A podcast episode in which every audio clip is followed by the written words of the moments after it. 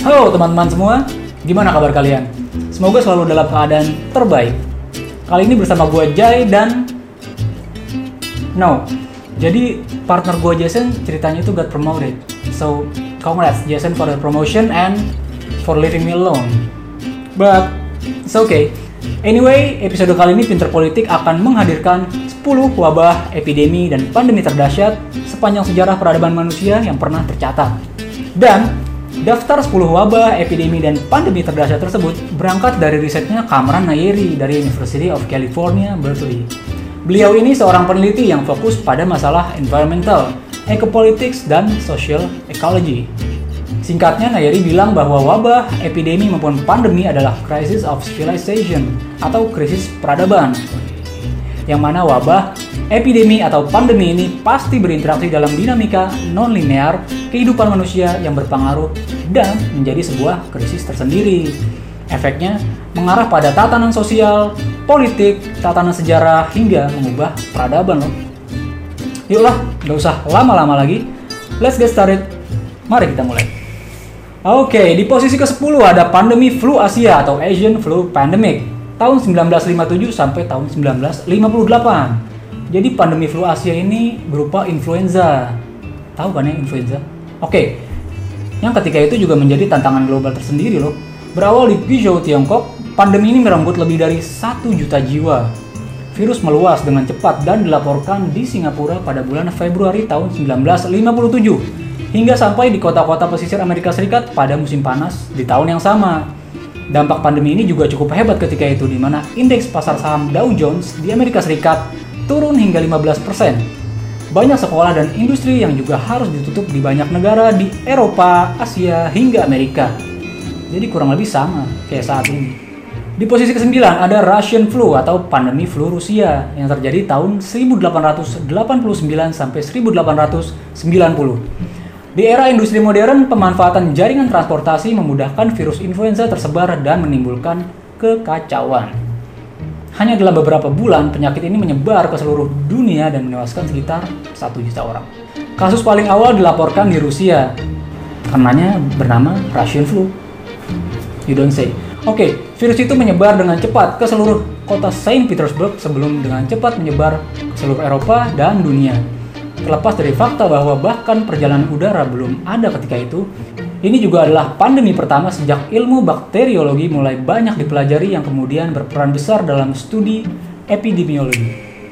Oke, selanjutnya di urutan ke-8 ada pandemi AIDS tahun 1981 hingga saat ini.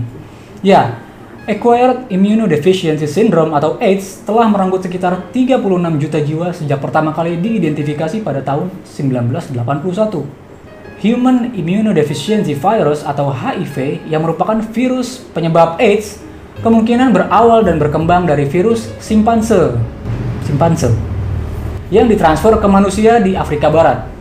Dan dampak sosial politiknya di seluruh dunia cukup signifikan.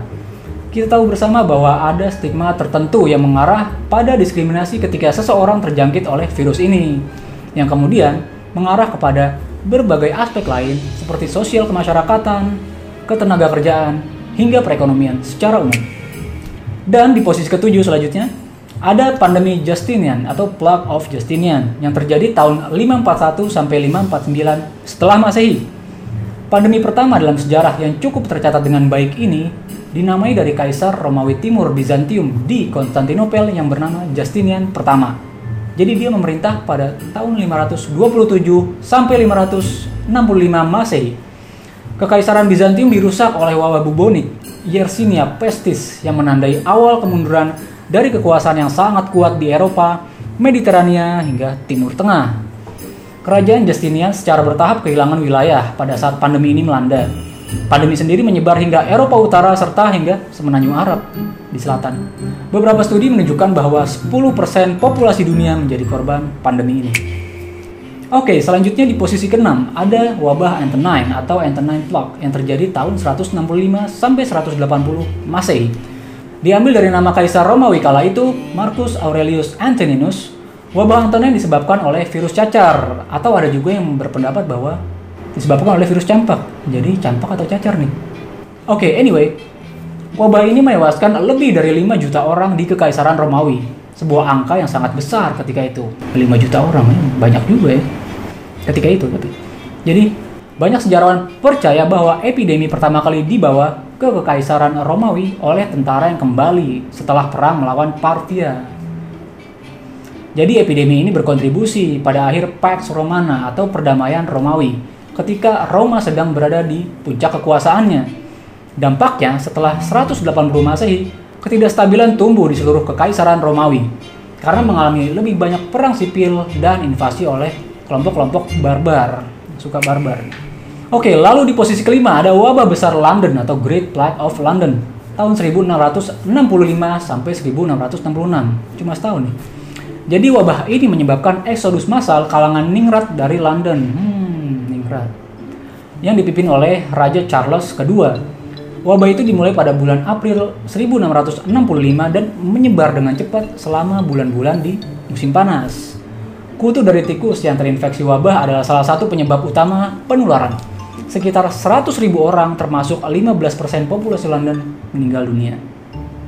Namun yang menarik dan cukup signifikan adalah Sir Isaac Newton menemukan hukum gravitasi pada saat berada dalam karantina atau lockdown atau kalau sekarang familiar dengan istilah work from home pas wabah besar ini berlangsung. Next, di posisi keempat ada wabah Athena atau Plague of Athens yang terjadi pada tahun 430 sebelum Masehi hingga tahun 426 sebelum Masehi.